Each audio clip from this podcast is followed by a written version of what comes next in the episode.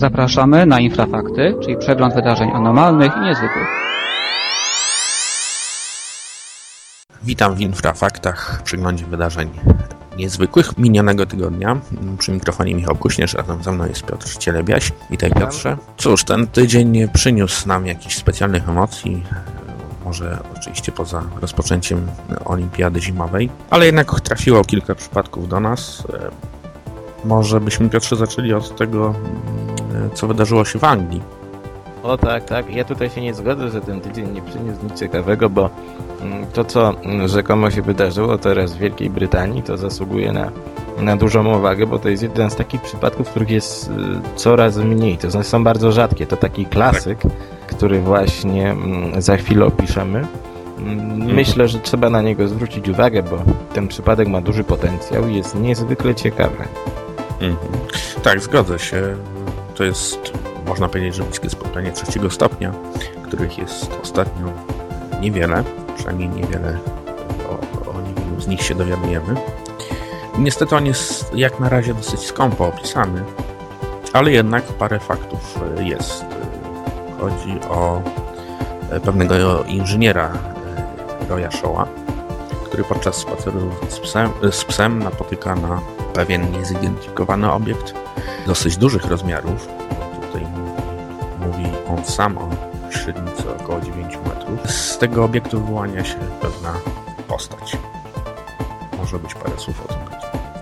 Tak, jest to dość, jest to dość nietypowa postać. To znaczy ma taką troszkę dziwną formę, niehumanoidalną. Ten przypadek tutaj, bo ten pan się potem wystraszył i uciekł. Natomiast ten przypadek przypomina nam tutaj mm, podobne incydenty z, tak, z takimi, prawda, mm, no niekształtnymi bryłami, które miały być e, pasażerami rzekomych obiektów UFO. Podobny przypadek zdarzył się w Wielkiej Brytanii w roku 1983. Tutaj bohaterem tego był Alfred Berto. To znaczy tam nie było może rzeczywiście, e, nie było jakichś niekształtnych postaci, natomiast miało to troszkę podobny przebieg, to znaczy ten pan udał się na ryby i również ujrzał niezwykły obiekt, tylko on z kolei wszedł do środka. To nieco przypominało historię Wolskiego, natomiast takie, takie istoty niekształtne, przypominające a to worki, a to prawda jakieś pierwotniaki, widywane były w innych przypadkach, na przykład w słynnym przypadku dwóch rosyjskich kierowców, który miał miejsce w 1989 roku. Bardzo ciekawa sprawa, zachęcam do lektury. Tak. Znajduje się to na naszej stronie, ta historia. Oraz w przypadku z Dulce w Argentynie, tam również obserwowano takie dość dziwne postaci. Mhm. No właśnie ciekaw jestem e, napływających e, informacji o tym przypadku, bo mam nadzieję, że ktoś e, tym się zajmie. Wymaga rzeczywiście szczegółowego zbadania i opisania. Ale tak jak mówiłem, na razie mamy tylko takie szczątkowe informacje. Będziemy czekać na kolejne, o których na pewno e, będziemy informować Państwa. Ale tutaj jakby przejdźmy do innego, innego zdarzenia. To też nawet nie wiem jak to opisać. Pojawił się taki film z Bułgarii, nagłośniony przez bułgarskich ufologów. Znowu nam ta Bułgaria wraca po raz kolejny, już kiedyś mówiliśmy o pewnym profesorze, który twierdzi, że jesteśmy w kontakcie z obcymi. A teraz nam się trafia taki swego rodzaju taka śmieszność, śmiesznostka. Film, myślę, że osoby interesujące się tematem znają. Chodzi o nakręcony film przez kogoś, nie wiadomo kogo, podczas jakiejś jazdy, podejrzewam w górach i nagle ktoś sobie kręcił po prostu krajobraz i nagle miga taki stożkowaty obiekt. No i koledzy z Bułgarii orzekli, że to na pewno musi być UFO. No tak, bardzo, bardzo tutaj zapanowało podniecenie w szeregach bułgarskich ufologów. Wygląda to mniej więcej tak jak powiedziałeś, że ktoś jedzie, jedzie, filmuje, a tu nagle ciach, UFO.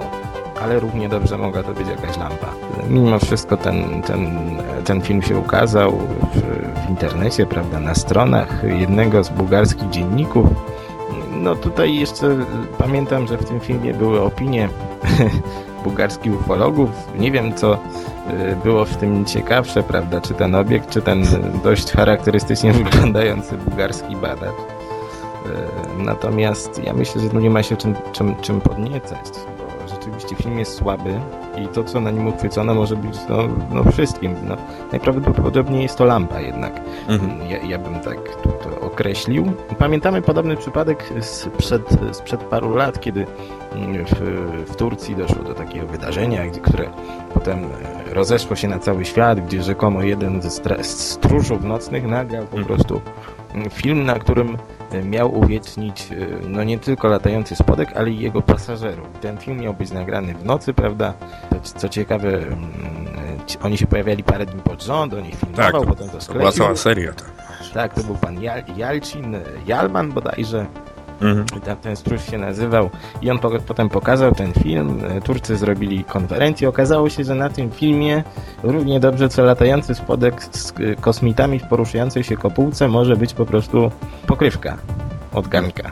Także tak samo w, w przypadku Bułgarii bym tutaj się nie podniecał, bo e, prawdopodobnie jest to lampa uliczna.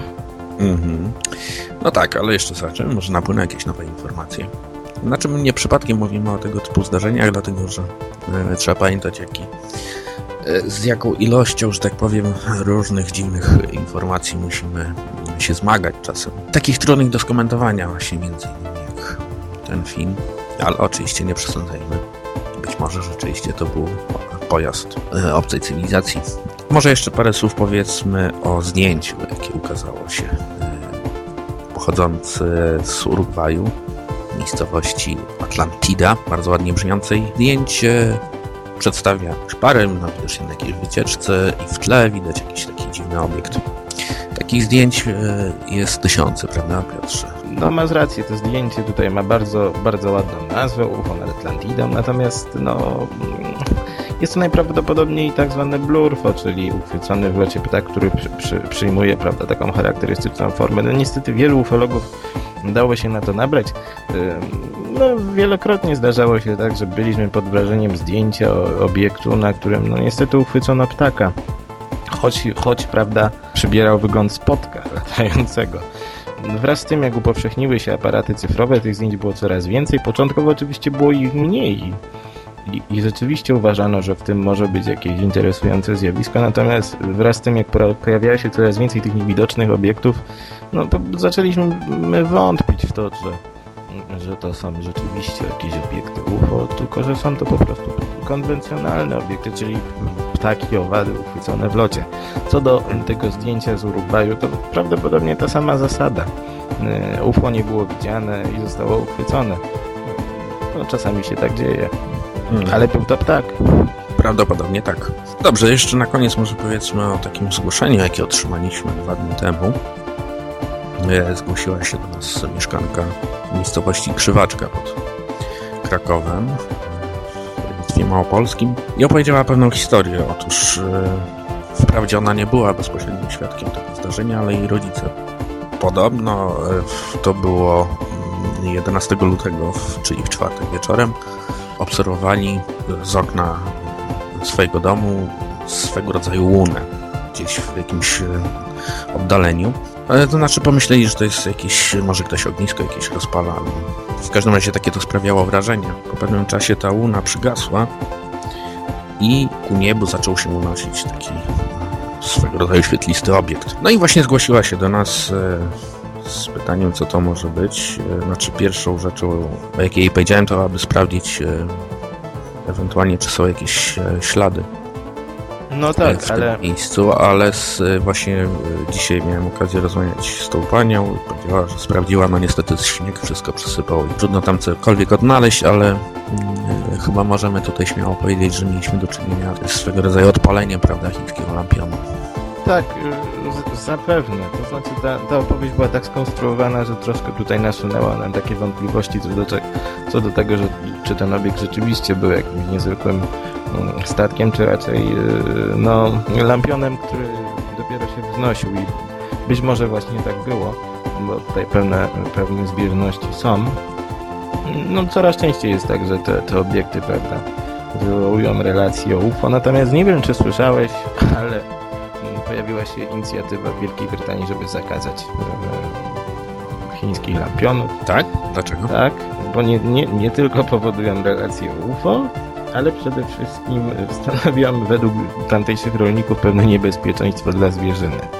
No, Aha. Dlaczego nie wiem, E, może kury się przestały nieść, może krowy nie dają mleka, ale Anglicy chcą tego zakazać. Może po prostu mają dość mm, tych, tych sensacji.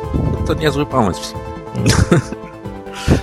E, No dobrze, to może na tym byśmy zakończyli. Jeszcze przypomnę tylko, że kilka ciekawych artykułów się ukazało u nas, innymi raport Arkadiusza Miazgi z takiego dosyć niezwykłego zdarzenia z roku 2002, z bliskiego spotkania drugiego stopnia pewnego fizyka, ale o tym żeśmy już e, trochę wspominali. Zachęcam więc do czytania, bo całość jest e, na naszej stronie, stronie www.infra.org.pl. Jeśli Państwo widzieli coś niezwykłego lub wykonali ciekawe, interesujące zdjęcie, zachęcamy do wysyłania do nas na adres infra małpa.epoczta.pl i zachęcamy do słuchania naszych audycji zawsze w sobotę i niedzielę o godzinie 20. Także dziękuję Piotrze Ja również dziękuję. i do usłyszenia za tydzień. Wysłuchaliście programu Michała Kośnierza i Piotra Cielebiasia, realizacja Grupa Infra dla Radia Wolne Media.